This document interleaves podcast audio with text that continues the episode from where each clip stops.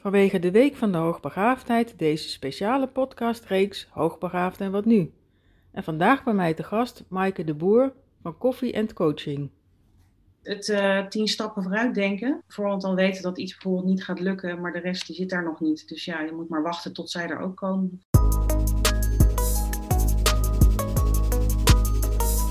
Fijn dat je luistert naar deze speciale reeks Hoogbegaafd en wat nu special vanwege de Week van de Hoogbegaafdheid. Mijn naam is Suzette Lemmers en tevens maker van de podcast Hoogbegaafd en Liefdespijn.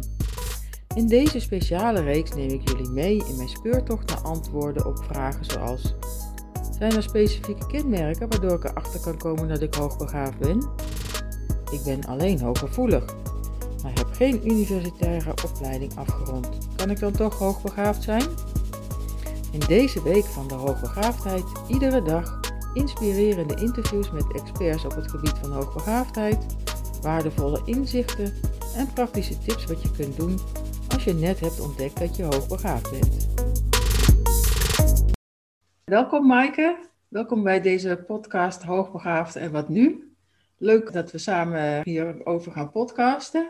Ik ben benieuwd naar jouw verhaal, hoe jij eigenlijk tot begaafdheidscoach bent uh, gekomen. En uh, stel je even kort voor en gaandeweg gaan we horen ja, wat jouw uh, pad daarin is geweest.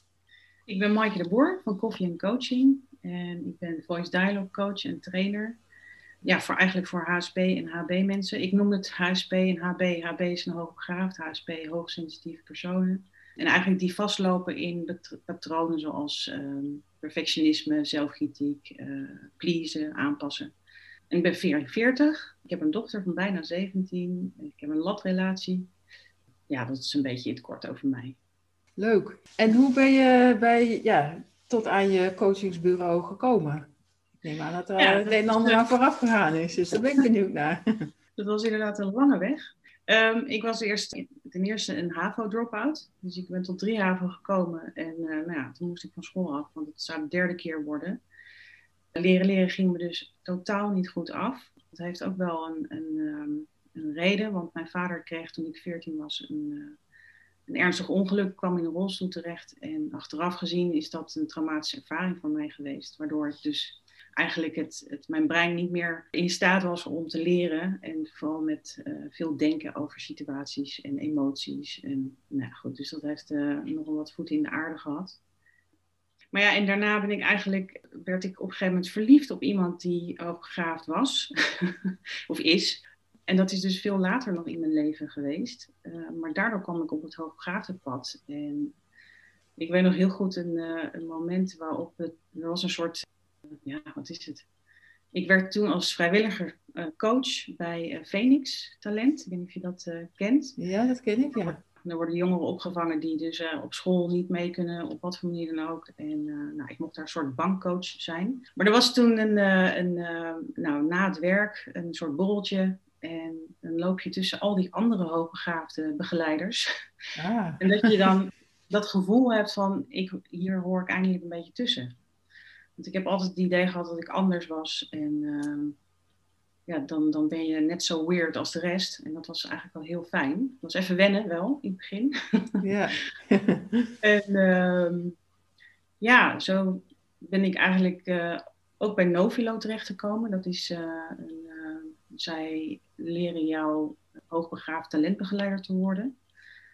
Ja, vanaf dat moment heb ik eigenlijk... Daarvoor had ik ook al hoogbegaafd in mijn praktijk maar was ik daar niet zo heel bewust mee bezig. Maar ja, en daarna is het eigenlijk nog meer geworden. Dus en, en diegenen die bij jou in de praktijk kwamen, die wisten eigenlijk al dat ze hoogbegaafd zijn? Of kwamen jullie daar nee. gaandeweg achter? Dat is inderdaad, um, ik heb het ook niet als heel expliciet hoogbegaafd neergeschreven, maar meer als ben je slim en gevoelig. En met een rijtje aan kenmerken, uh, waardoor ze zich herkennen in wat ik daar schrijf. Dus ook bijvoorbeeld het aanpassen hè, aan de wereld, omdat je dan ja, omdat je je anders voelt, anders denkt, anders doet, is dat aanpassen ligt heel, die neiging is gewoon heel groot. En kan je een voorbeeld geven van dat anders uh, denken of anders doen? Ja, dat, het, het uh, tien stappen vooruit denken. En uh, op voorhand al weten dat iets bijvoorbeeld niet gaat lukken, maar de rest die zit daar nog niet. Dus ja, je moet maar wachten tot zij er ook komen, bijvoorbeeld. Dat is wel een voorbeeld van dat anders ja. denken. Ja, herkenbaar, ja. ja. Ja, want uh, inderdaad, op je website geef je dat dan inderdaad aan, hè? van uh, extreem pleasen en aanpassen. Is dat ja. één, kenmerk van een hoogbegaafde of zijn, ja, voldoet dus het is niet per se het kenmerk van hoogbegaafdheid, zeg maar. Maar ik zie dat wel bij heel veel hoogbegaafden terug. Dat zij een, een enorm groot vermogen hebben om eigenlijk met de omgeving bezig te zijn. Met wat heeft de omgeving nodig? Wat is de behoefte van de omgeving? Gewoon het afgestemd zijn op de omgeving. En daardoor niet zo goed weten wat ze zelf willen. Want ik heb heel veel mensen in de praktijk die willen weten van ja, wie ben ik en wat wil ik. Maar ja, als je zo met je omgeving bezig bent, is dat heel lastig om, daar, uh, daarbij te komen. Ja, en in welke leeftijdscategorie kan je dat aangeven? Welke bij jou uh, komen? de jongste op dit moment is 12,5. Ah. maar dat ligt er heel erg aan. Ik vind het heel belangrijk dat ik een klik heb met de persoon die tegenover me heb. Dus uh, daar begint het allemaal mee. Um, ja, en de oudste die was uh, 64. Dus ja, het is heel, heel breed. Ja. Het is eerder echt dat, dat iemand zich herkent in, in wat ik op mijn site beschrijf over die innerlijke patronen waar je last van kan hebben. En bijvoorbeeld dat aanpassen, ja, dat klinkt mij heel bekend in de oren. Is dat nou iets voor vrouwen of ook voor mannen? Of zit daar sowieso verschil tussen? Of? Zeker ook voor mannen. Ja, toch wel. Ja. ja, ik had laatst ook nog een intake met iemand ja, uit Groningen. Een jonge jongen die een relatie heeft en zegt van ja, ik, ik please. Ik ben soms graag alleen, maar zij wil graag dat ik beter bij haar ben. Want zij heeft daar dan weer een stukje trauma op zitten betekent dat als hij iets voor zichzelf doet, dat hij alsnog in zijn hoofd met haar bezig is. Um, nou, dat is wel een, mooi, nou ja, goed voorbeeld van het en aanpassen. Toch uh, willen aanpassen, ook rekening houden. Want ja. het beeld van hoogbegaafden is, nou ja, die zijn zo super intelligent. A, ze redden zich wel. En B, uh, qua empathie, uh, nou, empathisch vermogen, staat niet onder de noemer van hoogbegaafden, even heel cru gezegd. Hè? Dat, uh, dat is het algemene beeld soms. Nou ja, wat ik, wat ik wel zie is dat sommigen dan eigenlijk door juist het intens kunnen voelen en, en bezig kunnen zijn met die omgeving, dat ze zich dan afsluiten en het dan lijkt alsof ze heel erg met zichzelf bezig zijn. En dat het eigenlijk een vorm van zelfbescherming is. Of kan zijn, hè? want ik vind, dat heel, ik vind het nooit zo fijn om een, een, een, label op heel veel mensen te plakken. Maar dat is wel wat ik terugzie, ja. En als jij ziet van, nou, we zijn eigenlijk achter, nou ja, je bent hoogbegaafd, je hebt een bepaald, bepaalde kenmerken. Is, ja, helpt het hen dan weer verder om een volgende stap te maken? Hoe zie je die transformatie uh, bij hen? Nou, ik denk vooral door de zelfkennis die ze krijgen. Als ik met ze aan de slag ga, gaat het vooral over dat wat ze eerst doen. Hè, dus heel erg met die omgeving bezig zijn, is eigenlijk terugbrengen naar zichzelf naar binnen. Wat, wat vind ik belangrijk en waar heb ik behoefte aan? Wat, uh, wat wil ik en wie ben ik? En van daaruit, ja, dat is natuurlijk zelfregie.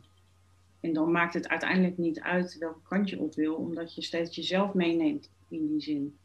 Terwijl heel veel mensen die aanvankelijk binnenkomen in de praktijk eerst heel erg bezig zijn. Maar ja, maar als ik daarin ga veranderen, dan gaat mijn omgeving dat niet zo fijn vinden dat is natuurlijk ook een hobbel die je over moet. En waar, je, waar je moet kijken van oké, wat houd je dan op dat punt tegen? Op ja. bewust niveau en ook op bewust niveau.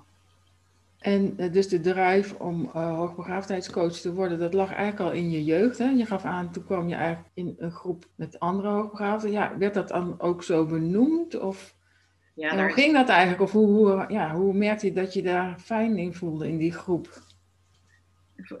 Vooral de, de, de weirdness. Dat het gewoon. het zijn in die zin even heel. Uh, allemaal vreemde eentjes in de bijt. En ze, maar ja, dat was ik ook altijd al. Dus dat, dat, dat matcht dan zo lekker. ja. En dan, weet je, de ene hoogbegaafd is de andere niet. Dus dan heb je alsnog verschillen in denken en doen en voelen. Maar toch, ja, er is iets in, ook denk in de energie die anders voelt. Uh, en daar heb ik wel heel erg geleerd. Communicatie is wel echt wel mijn ding. Eh, geleerd om met heel veel mensen, verschillende mensen, te kunnen communiceren. Maar daar, ja, in die groep merk ik dat het gewoon veel makkelijker gaat of sneller gaat. Het schakelt gewoon lekker. Kan je daar een voorbeeld van geven? Van, nou ja, voordat je in die groep zat van, uh, qua communicatie en, toen je in die groep zat? Uh... Ja, nou ja, ik, vooral denk ik het, het, verschil tussen dat voelen van ik ben anders en ik doe het anders en ik denk anders En dat ik in die groep voelde van hé, hey, er zijn overeenkomsten. En dat ik me minder. Ja, ik ben sowieso natuurlijk anders dan anderen en uniek op mijn eigen manier. Maar ik hoor er alsnog gewoon bij. Of ik hoor er gewoon tussen. Alleen heeft het wel even wat tijd gekost om die groep dan te vinden. Dat, dat is sowieso altijd een tip die ik geef aan uh, de, newbies, zeg maar. Degene die net ontdekken dat ze hoogbegaafd zijn of vermoeden dat ze hoogbegaafd zijn, om vooral op zoek te gaan naar gelijkgestemden. Er zijn er meer zoals jij. Dus dat, je, je, je blik richten op eh, de groep die uh, net zo anders is dan jij. Ja, mooi, ja. En, en ja, waar zou je die dan kunnen ontmoeten? Heb je daar ideeën bij? Nou ja, op Facebook bijvoorbeeld zijn heel veel uh, hoogbegaafde groepen. Met allerlei thema's ook. Dat van uh, weet veel, filosofie, spiritualiteit, uh, religie, liefde en relaties. dat is ook een, hele, een heel gebied natuurlijk op zich. Dus daar, nou ja, daar zijn talloze groepen te vinden. Waar je, hè, als, als iemand jou aanspreekt, als je iets leest van iemand en je denkt van hé, hey, dat spreekt me aan. De manier waarop diegene praat, of, of spreekt over zijn gevoelens of over zijn gedachten, daar kan ik wat mee. Dat snap ik. Dan kan je diegene gewoon een privéberichtje sturen en zeggen, joh, ik wil eens een keertje met je, weet ik veel, wandelen of zoomen of whatever. Ja. Iets wat fijn voelt, hè, want in het begin is het natuurlijk allemaal een beetje spannend. Tenminste, niet iedereen heeft sociaal contact. Ik vond uh, vroeger uh, sociaal, ik had zo echt wel sociale angst. Ja, en waar, waar uh, merkt hij dat aan? Hoe uitte zich dat? aan wat niet. ja, oké. Okay. Ja, kan je een situatie schetsen waar jij dan je angst voor had? Ja, ja gewoon het, het, um, de, de standaardmodus was het muurbloempje. En, en, eerst kijken naar de omgeving en scannen en afstemmen. En nou, als ik dan het lef had, dan, dan, dan stapte ik op iemand af. Maar 9 van de 10 keer niet. Ik mezelf echt op dat terrein enorm uh, uitgedaagd uh, op den duur. Hè. Dat was in het begin natuurlijk niet zo, maar ik wilde daar ook vooral vanaf. Ik had er echt heel veel last van dat ik zo moeilijk was in contact. In contact leggen. Ja, en, en nu zeg je van nu is het eigenlijk een soort drive van jou, hè, communiceren met anderen. Dus hoe ben je dan zeg maar, van dat muurbloempje helemaal ja, opgebloeid? Zal ik het wel even zo doen? Ja, nou, het is, het is vooral dat ik in mezelf het vermogen heb ontwikkeld om te kunnen communiceren. Maar niet dat dat over mijn eigen, in die zin, ik hoef niet met iedereen te communiceren. Dus ik heb heel erg gekeken naar wat, wat zijn mijn voorwaarden op basis waarvan ik met iemand in contact wil zijn. Als ik iemand tegenkom en ik denk van, oh nee, eh, weet ik veel, uh, niet een lekkere energie of negatief of uh, wat dan ook. Ja, dan, dan mag ik voor mezelf zeggen van nee, daar ga ik geen contact mee maken. Ja, dus, dus je gaat eerst uit van jezelf eigenlijk. In de communicatie naar de ander voelt het voor mij goed. En dan neem je de volgende stap. Ja, mooi om dat uh, zo te horen van jou. mooi. Ja, je bent zelf coach, maar ja, het is ook wel, uh, ja, je bent natuurlijk ook mens. Hè? Dus ja, loop je zelf als uh, hoogbegaafde coach ergens tegenaan? Hè, tijdens een, een, sessie met een, een cliënt of ja, in je dagelijks leven? Waar ik, nou, ik heb er wel over nagedacht. Dat, dat is eigenlijk met name nog een stukje trauma uh, dat ik in de relatie met, met mijn partner uh, soms nog wel die, ja, dan, dan zijn er opeens triggertjes die afgaan. Uh, soms is het een grote trigger. En um, ja, daar laat ik me dan ook gewoon weer lekker op coachen. Dus dat is ook. Uh, en, en uiteraard, als coach ga je in alle opleidingen ben je ook zelf het onderwerp. Hè? Ik bedoel, je leert andere coachen, maar je wordt zelf ook gecoacht. Dus dat is, uh, ik ben veelvuldig uh, onder de loep genomen. Ja. En ik neem zelf natuurlijk ook onder de loep. Het, ik, ja, ik, ik ben wel een ontwikkelingsgericht persoon in die zin. Wat ik net zei van als ik ergens last van heb, dan wil ik graag dat het dat, dat er ja, gewoon dat het anders kan. Ik weet gewoon dat het anders kan. Dus dan ga ik werken aan, oké, okay, welke kant moet ik dan op en wat heb ik dan nodig? Dus, kan ik het zelf? Of, uh... Dan ga je dan kijken naar je eigen patronen, van zo werkt het nu op dit moment ja. en ik zou dat toch anders willen. Ja, ja want dat is, ik, ik werk dus met um, voice dialogue. Dat is uh, dat je in gesprek gaat, eigenlijk in dialoog gaat met de stemmen, de innerlijke stemmen die je hebt. Dus ik ben ook, nou niet dagelijks, maar ik praat met mijn innerlijke stemmen. Dus als mijn pleaser bijvoorbeeld uh, losgaat op een, in een situatie met mijn eh, partner bijvoorbeeld, ja, dan ga ik daarmee in gesprek en dan ga ik kijken van wat, wat speelde daar nou waardoor dat zo ging. Dus een soort zelfreflectie eigenlijk. Ja, je gaat een beetje boven de situatie hangen en dan bekijken van hé, hey, wat is er net gebeurd? Ja, precies. Ja. Kan je dan ook de rol van jezelf tegenover je partner? En, en ja, het lijkt me best lastig om dat. Het is niet altijd dat ik dat in het moment zelf kan. Nee, nee, maar goed, later zou je dat natuurlijk ook kunnen. Het lijkt mij best lastig om daar ja, boven te kunnen hangen en, en uh, geen uh, kritiek op de een of de ander ja, te hebben. Dat is, dat is wel uh, mooi, hè? want criticus, dat is natuurlijk een hele, een hele bekende voor heel veel mensen. Dan geef ik trouwens ook workshops in en ik heb nog een gratis challenge lopen voor iemand die het interessant vindt. want daar heb ik natuurlijk heb ik echt mee leren samenwerken. Daar ben ik mee, vriendjes mee geworden, zoals ik dat dan noem dat maakt natuurlijk ontzettend veel verschil uit. Als ik niet, wat ik voorheen wel heel erg deed, is alles veroordelen wat ik, wat ik zei of hè, hoe ik me gedroeg. Het was continu dat, dat die criticus die mee aan het kijken was en mee aan het babbelen en commentaar aan het leveren was.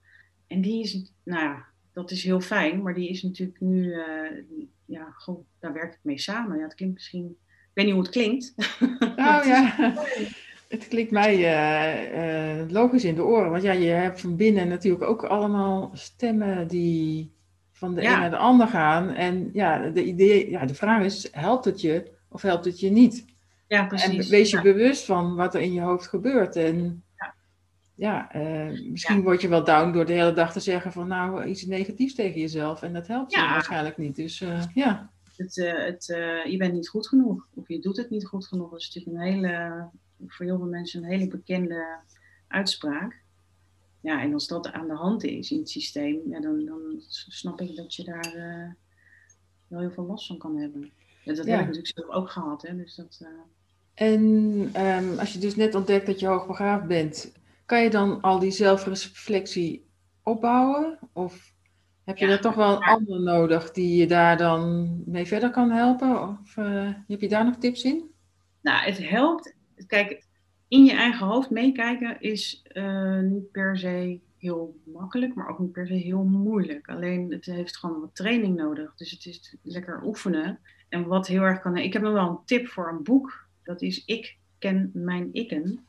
En de, de ik ken, de K daarvan staat tussen haakjes. Dus ik en mijn ikken. Het gaat over die innerlijke stemmen. Het is een heel ervaringsgericht boekje, dus het, is, het leest lekker weg. Het is uh, praktisch, er zitten ook oefeningetjes in.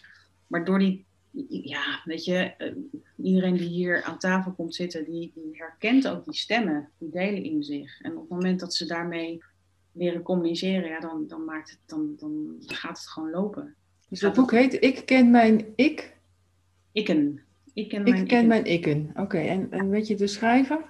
Ja, dat is een goeie. Daar ben ik nooit zo goed in, dat soort dingen onthouden. Okay, anders zet ik het later wel bij de tekst van de podcast hoor. Dus dan zet ik in ieder geval een link van dat boek. Uh, lijkt me reuze interessant inderdaad. Ja. Uh, ja. Zijn er nog mensen of ja, zijn er mensen die jou inspireren op het gebied van hoogbegaafdheid?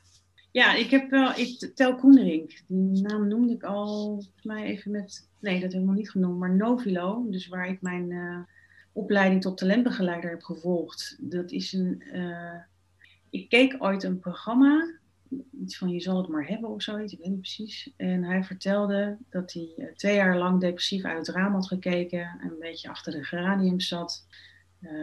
Ja, had gestudeerd, maar dat ging ook niet helemaal lekker. En dat eigenlijk hij bedacht van ja, wat, wat moeten al die andere kinderen nou die ook op deze manier vastlopen, onzeker zijn, faalangst ontwikkelen.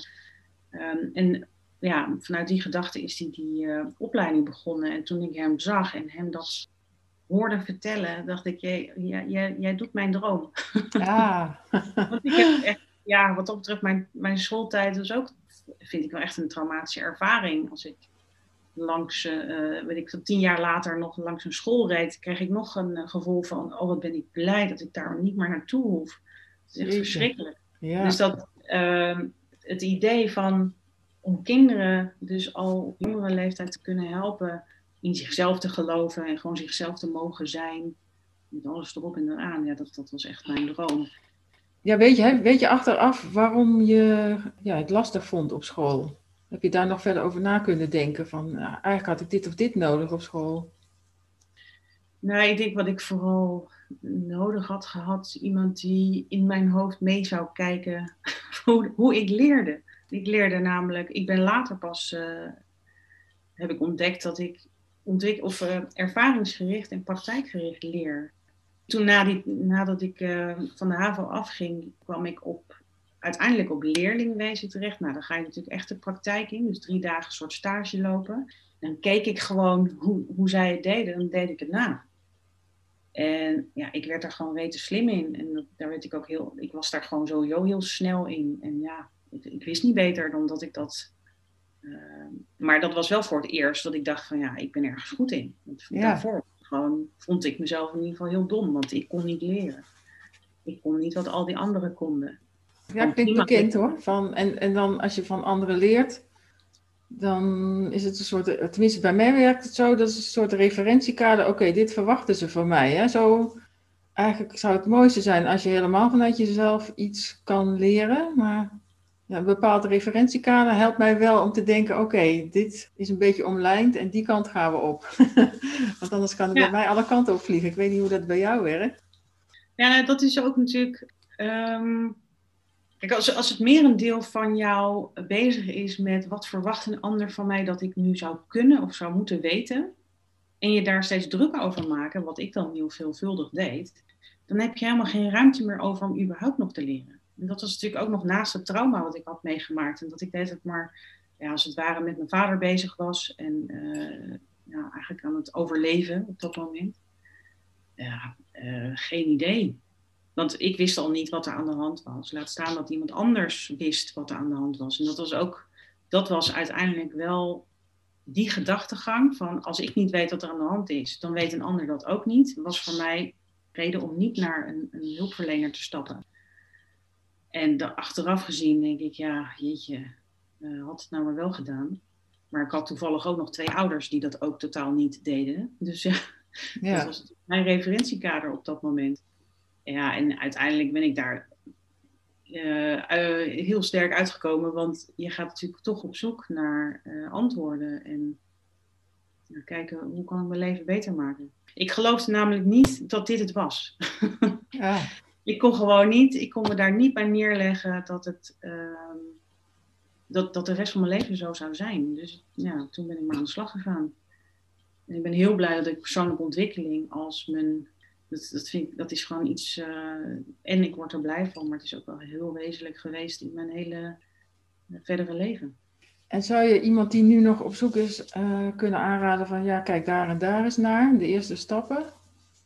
Ja, ik denk toch vooral dat kijk of je gelijkgestemden kan vinden.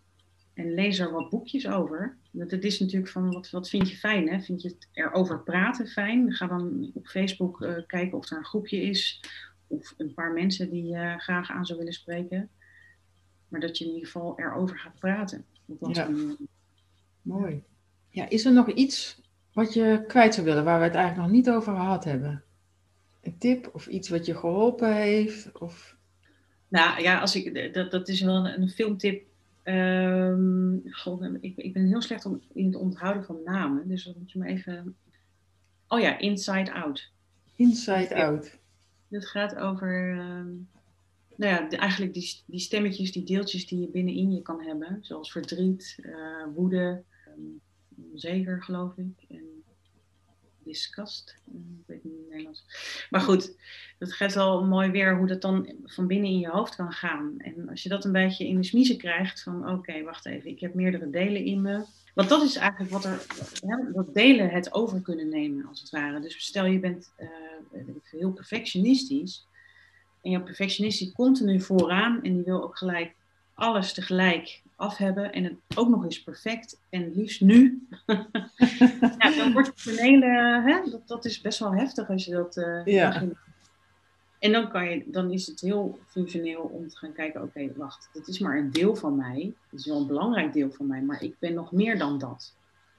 Uh, en dat je op die manier gaat kijken van welk ander deel, uh, bijvoorbeeld geduld. Dat je geduld eens een keer voor in de bus zet. Of weet je, dat je de metafoor van de bus, die gebruiken ze in voice dialogue heel vaak, omdat dat aangeeft dat je überhaupt meerdere delen in je hebt zitten. maar ja, en dat is ook gewoon een beetje spelen. En dat boek Ik en Mijn Ik, dat helpt daar heel erg bij. Als je dat leest, dan, dan herken je zoveel van jezelf. Dat, uh... Ja, mooi. Ja, ik heb het niet gelezen, maar uh, klinkt goed. Ik, uh, ik ga hem aanschaffen. ja, ik heb een hele grote boekenlijst, maar ja, dit klinkt heel goed. Ja, vanwege de Week van de Hoogbegaafdheid wilde je ook nog aan de luisteraars iets aanbieden. Kan je er wat meer over aangeven? Ik heb op mijn website een, een aparte pagina gemaakt waar je heel simpel, heel makkelijk een uh, gratis sessie van een half uurtje kan boeken. En vooral bedoeld om eventjes heel laagdrempelig in gesprek te zijn met mij. Uh, van joh, ik, ik uh, weet nog niet of ik het ben, maar ik vermoed van wel. Of ik ben het, waar moet ik naartoe? Gewoon om even laagdrempelig in gesprek te zijn. En ik heb altijd wel tips. En, ja, mooi. Mooi dat je dat weg wil geven. Ja, en ja, wat is de naam van je website en, en waar kunnen ze je verder vinden? Nou, ik ben vindbaar op uh, coffeeandcoaching.nl. Dat is de, de website. Uh, de sessie vinden ze dan op slash gratis sessie. Even heel simpel. en ik ben uiteraard op Insta en op Facebook en op LinkedIn te vinden. sinds kort ook op Clubhouse. Ah, ja. Uh, ik dacht, ik probeer het gewoon uit. Um, dus ja, ik ben overal wel vindbaar. En coaching, ja. of koffiecoach, of Maaike de Boer. Mooi, dankjewel uh, Maaike voor dit uh, prachtige interview. Jij ook, dankjewel. Bedankt dat je luisterde naar deze speciale reeks Hoogbegaafd en Wat Nu. Wil je meer weten over Hoogbegaafd en Wat Nu? Luister dan ook naar mijn andere afleveringen in deze speciale reeks. Als je je abonneert op mijn podcast Hoogbegaafd en Liefdespijn kun je iedere week naar een nieuwe aflevering luisteren over deze boeiende onderwerpen. Kijk voor meer informatie op justjames.live. Heb je suggesties over wie ik zou kunnen interviewen over deze onderwerpen? Laat het me weten via suzette.lemmers.gmail.com Graag tot de volgende aflevering Hoogbegaafd en wat nu? Of een nieuwe aflevering Hoogbegaafd en Liefdespijn.